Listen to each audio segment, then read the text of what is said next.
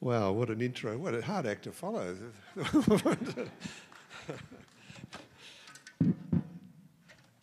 that was a bit of fun. That was a bit of fun. I wonder have any of you ever prayed prayers or had thoughts like this? How long, O oh Lord? How long must I call for help, but you don't listen? Why do you make me look at injustice? Why do you tolerate wrong? Destruction and violence are before me. The law is paralyzed. The wicked hem me in so that justice is perverted. And so Habakkuk goes on. he comes to some much better places but that is where he starts. It hit me recently uh, in my COVID patch. I finally lost my status as a Novid and, um, and, and got COVID a couple of weeks back now. But it hit me in that patch that I don't know anybody who is happy with the state of the world. Do you? Not a neighbour, not a friend, not a family member, none of my dog walking mates, no one I know, in the popular sense of saying things, is a happy camper as they look at the world. For their own good reasons, everybody sees an unhappy state of affairs. And you hardly need me to start naming some of the reasons. But in a world where COVID has become an all pervasive reality where extremes in climate patterns make drought, fire, and flood regular events, where corruption in governance is all too familiar, and where conflict doesn't just happen in that big continent of Africa, so it doesn't ever have to touch me, but it comes and becomes war in Ukraine with a threat of something far greater. All that, all that and more, I think creates a certain desperation, a hopelessness that results in people getting increasingly self absorbed. And that kind of self absorption is absolutely understandable. For this reason, hope. Hope is crucial for healthy human existence. And I've got to say, my mood was definitely affected by what was probably just a dose of COVID light. The cold, because it was cold just last week, wasn't it? a couple of weeks ago. The cold, the constant rain, being a bit in ISO, feeling a bit shivery in a moment or feeling very heady for the most part, these were just enough to pull me down, to make my spirit feel decidedly low.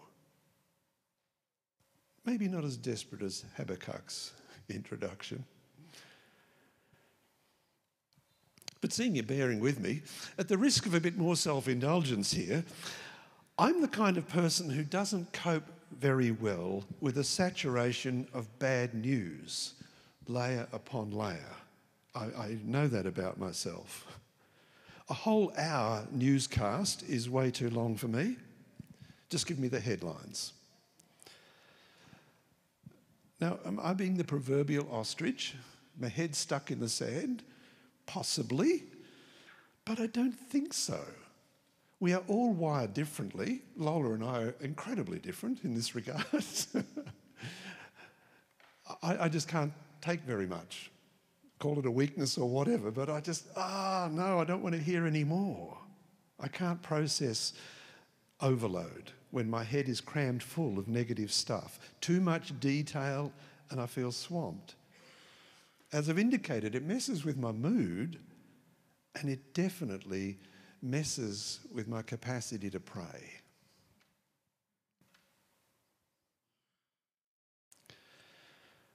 I threw out four C's because I just like that kind of alliteration. Um, four C's for reasons for despair and hopelessness. I said COVID, climate, corruption, conflict. War was probably where I was really going. And because such weighty matters can mess with our minds, I'll add another C cranium clutter. yeah, that's bad, I know. Uh, cranium clutter.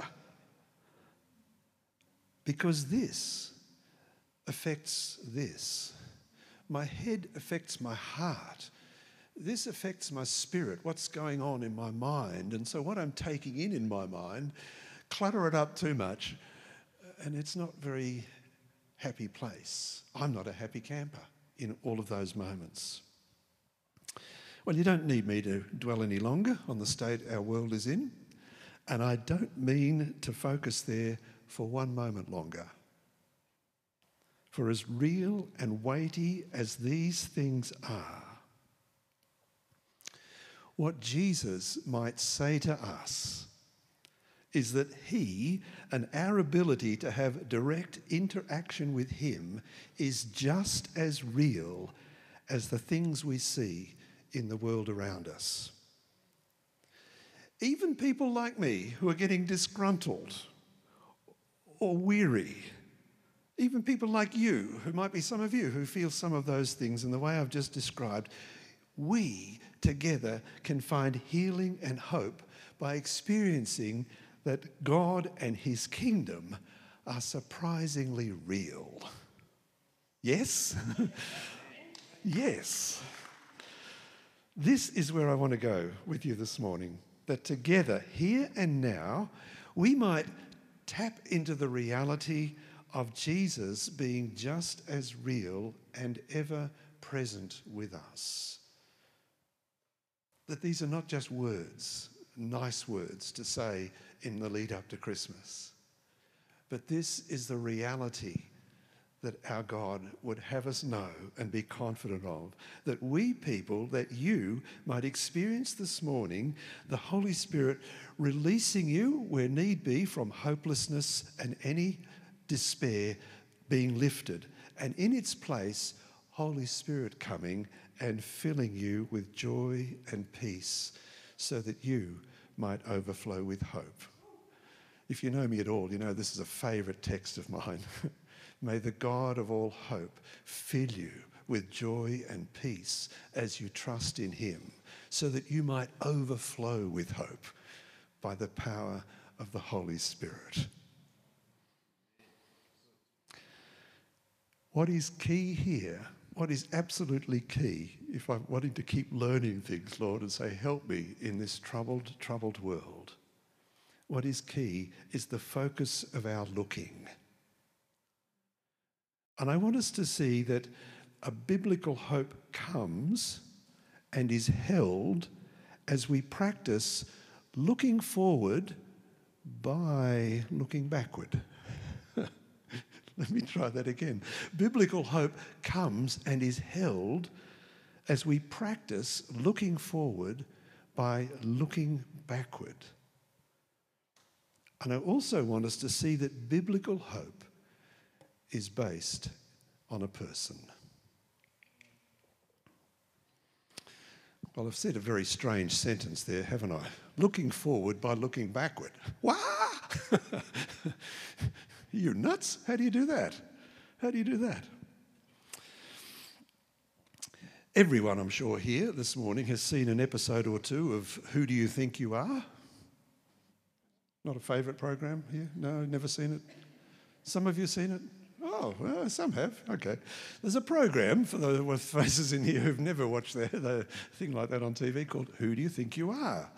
Um, it's a very uh, clever exercise by Ancestry.com who made this piece of entertainment by ferrying celebrities of various uh, attribute all over the country and sometimes all over the world, where they're met by curators of all kinds of historical documents who help them to make all sorts of discoveries, for good and for bad, about their ancestors.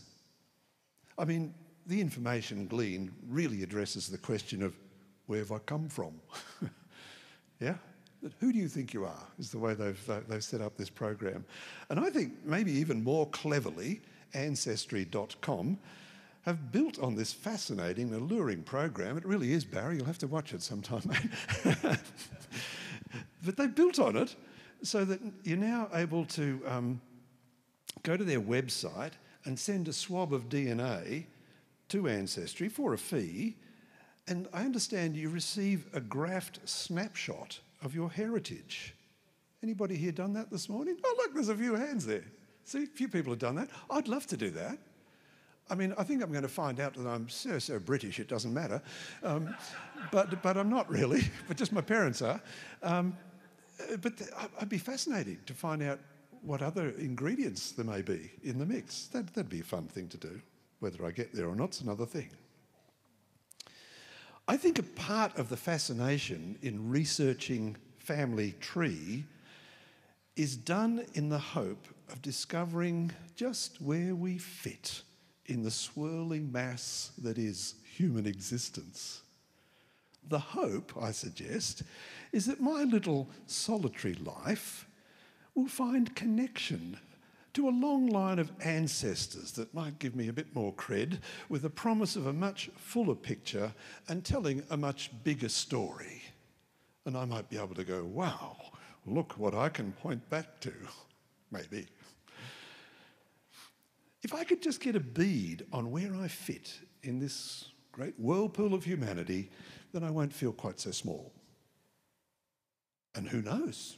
I just might discover something of real significance. That, I suspect, is the hope in that exercise.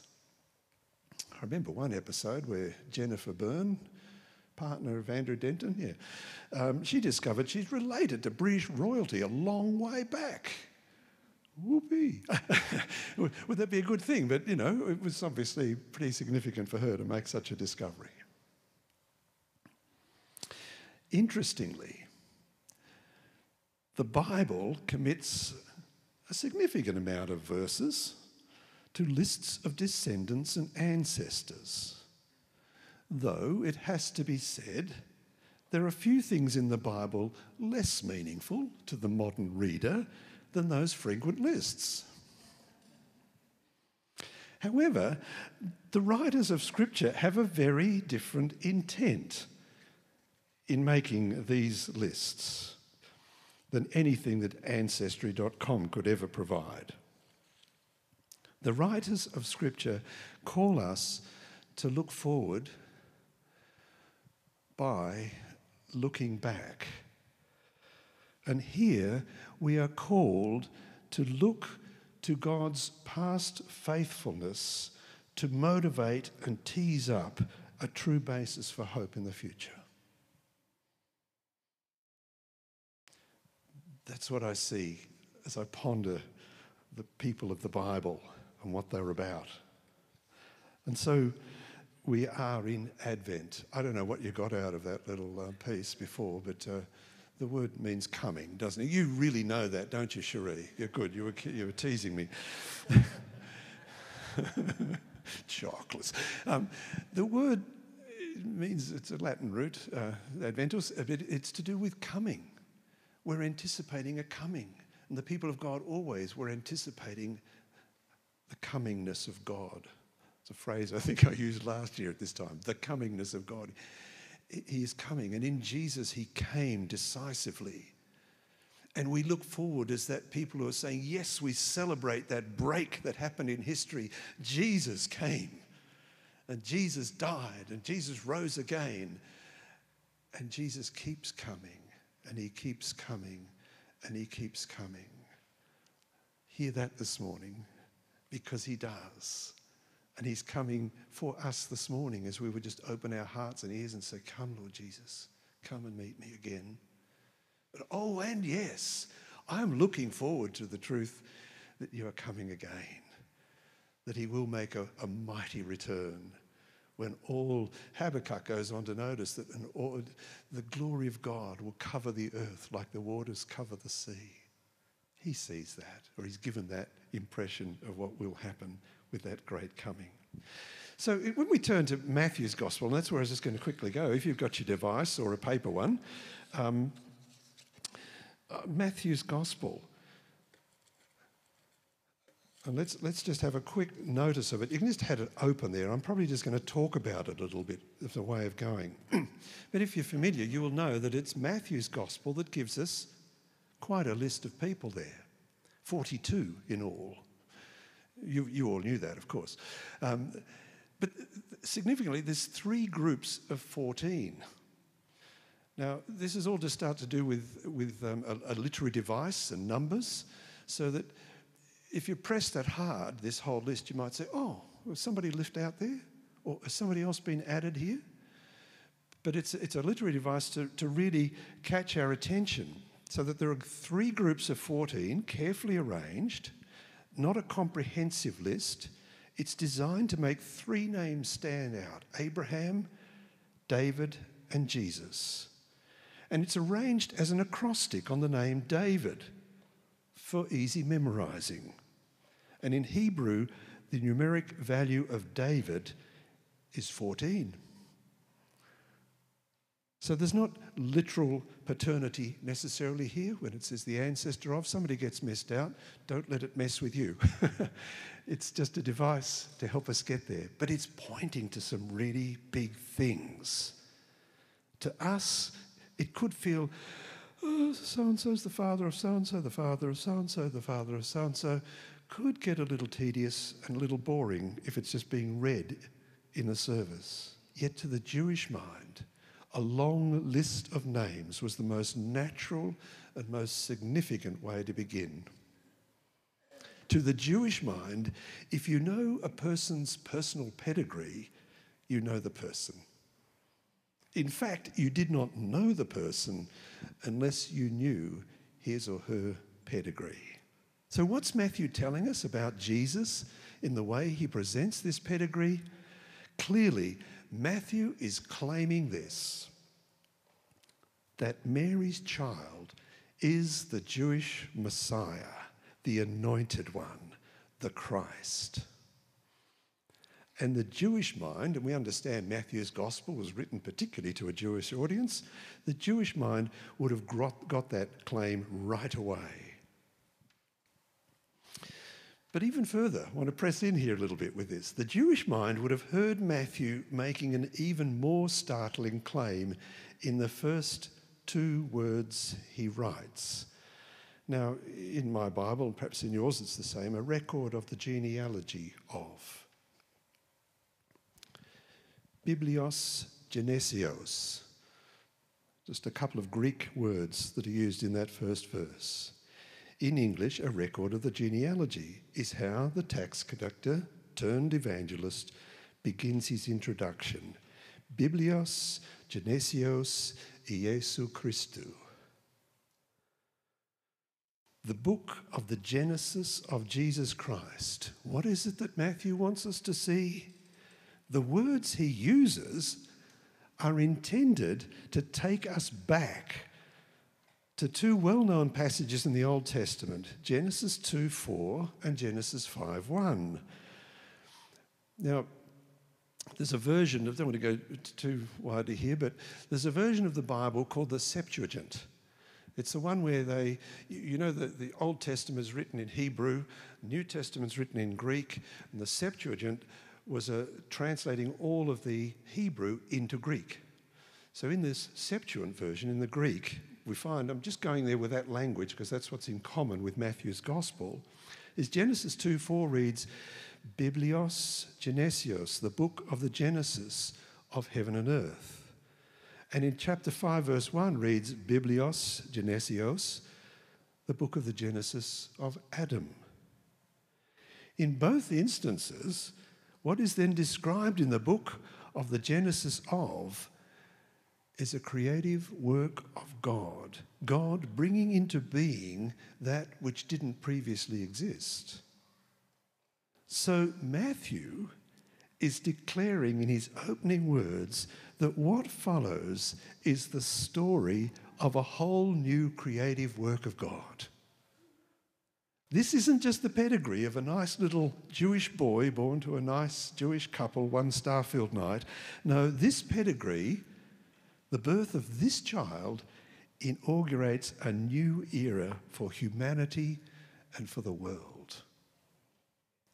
Stunning stuff. Well, I love this. this, is, this goes deep, I think. Here, Matthew is declaring in his opening words a second Genesis.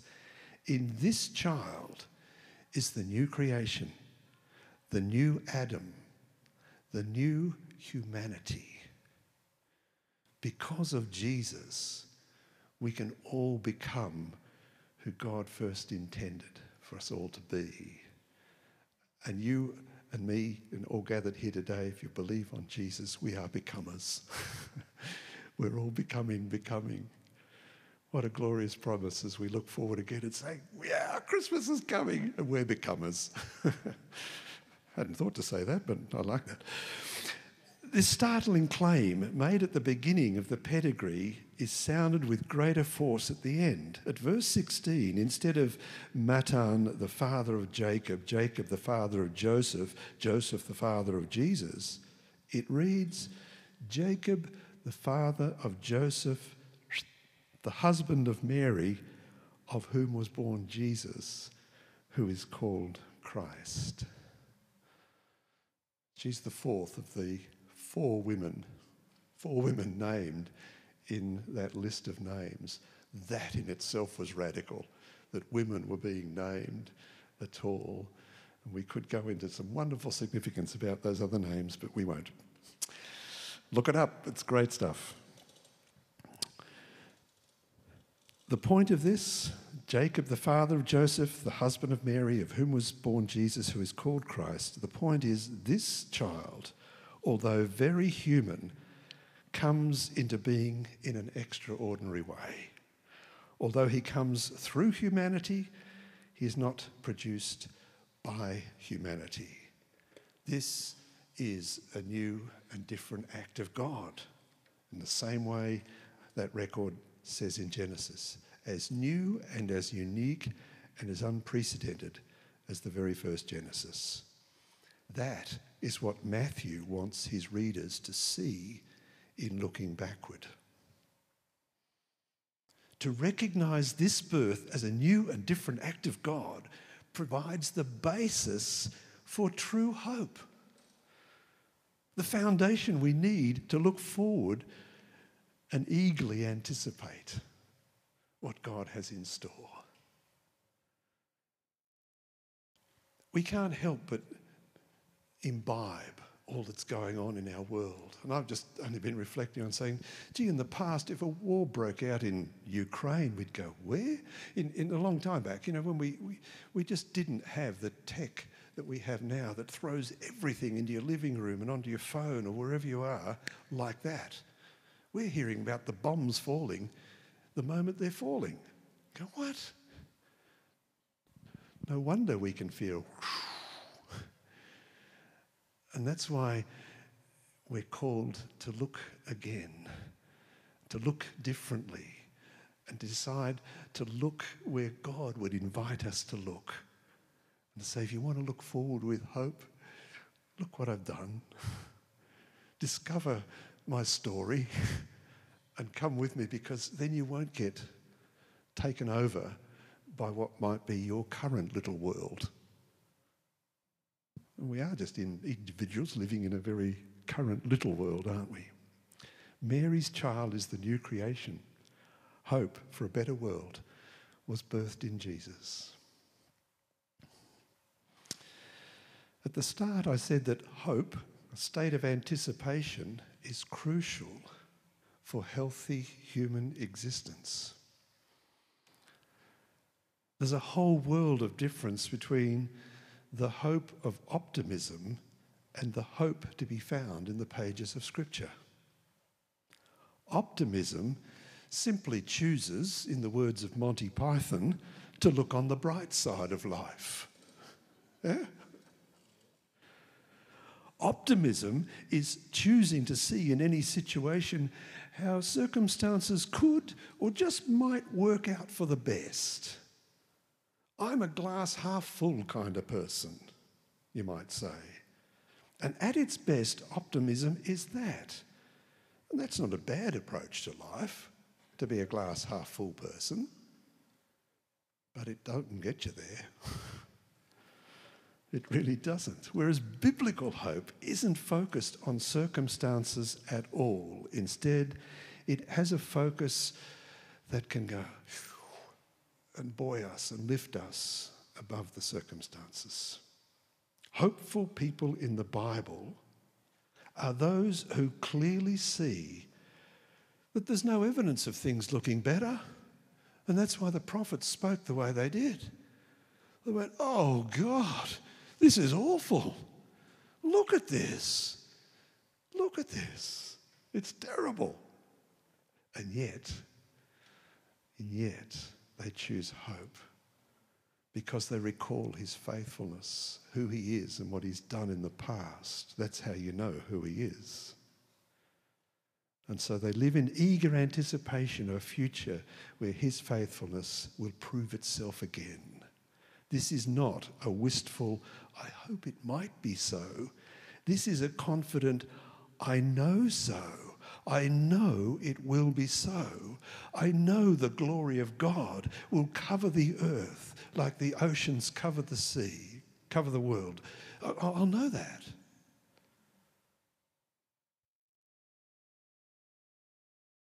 I know, and it's upon whom we see to be in the face of Jesus. In Hebrews, it says this We have taken hold of the hope offered to us. And having taken hold of it, it says, May we be greatly encouraged. We have this hope as an anchor for the soul, firm and secure. Hebrews 6 18 19. Some of you, I, I, love the writings of Tom Wright and lots of the good stuff he says. N.T. Wright, as he's sometimes known. And somebody asked Tom Wright, they said, uh, So are you an optimist or a pessimist? And he said, I am neither an optimist nor a pessimist. Jesus Christ has risen from the dead. Yeah. End of story. If Jesus Christ has been risen from the dead, and that is a fact of history, and that's a reality that we can experience in the mess of our world, that's all we need to know and encourage one another.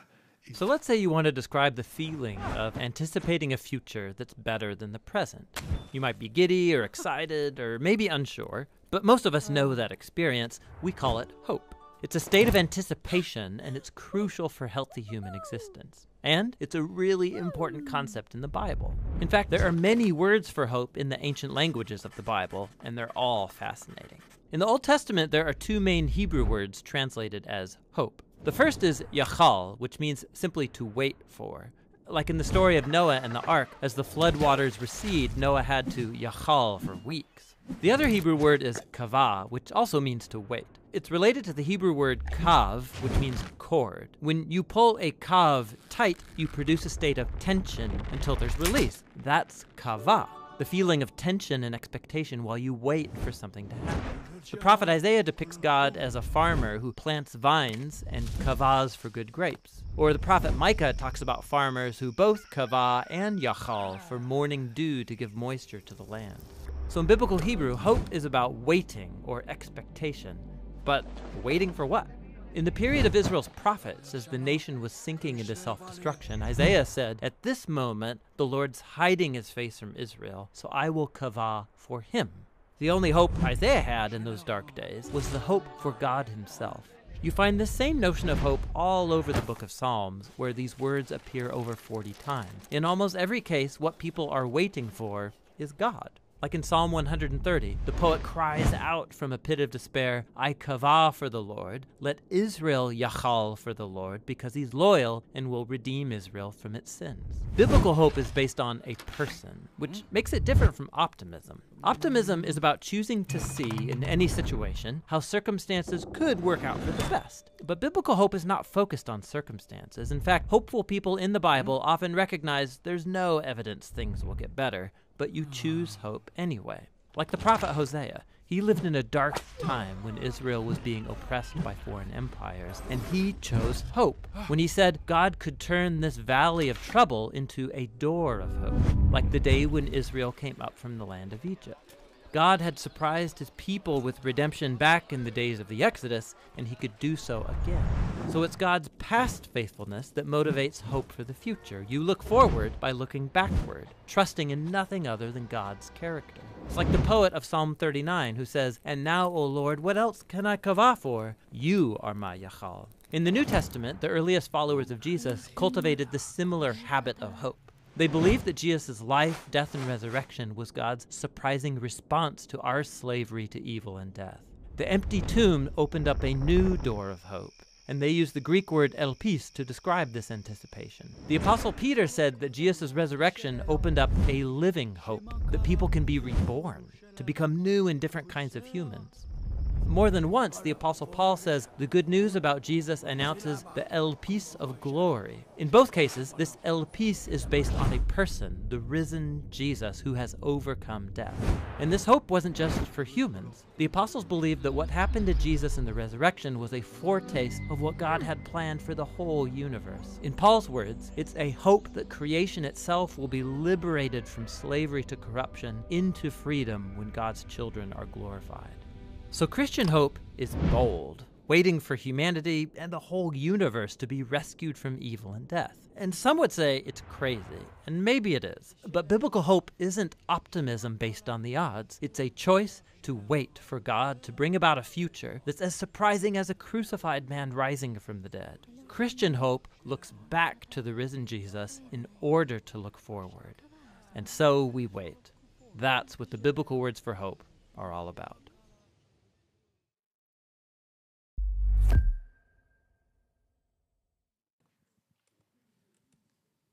Says it well, doesn't it? Says it so well. Um, the Bible Project, that is, if you haven't uh, found it yet. Would you stand with me, please? I want to just let this uh, last verse go up on, on the screen. This is uh, the prophet Micah, late 8th century BC. Micah 7, verse 7. May this be your heart statement too. But as for me, I watch in hope for the Lord. I wait for God my Saviour. My God will hear me. Holy Spirit, come, fill our hearts afresh right now renew our minds where they need renewing. And that, Lord, we can become more practiced at looking forward by looking back, laying hold of those things that we've seen you do, your faithfulness, faithfulness, faithfulness, not least in the resurrection of Jesus. Therein is our hope.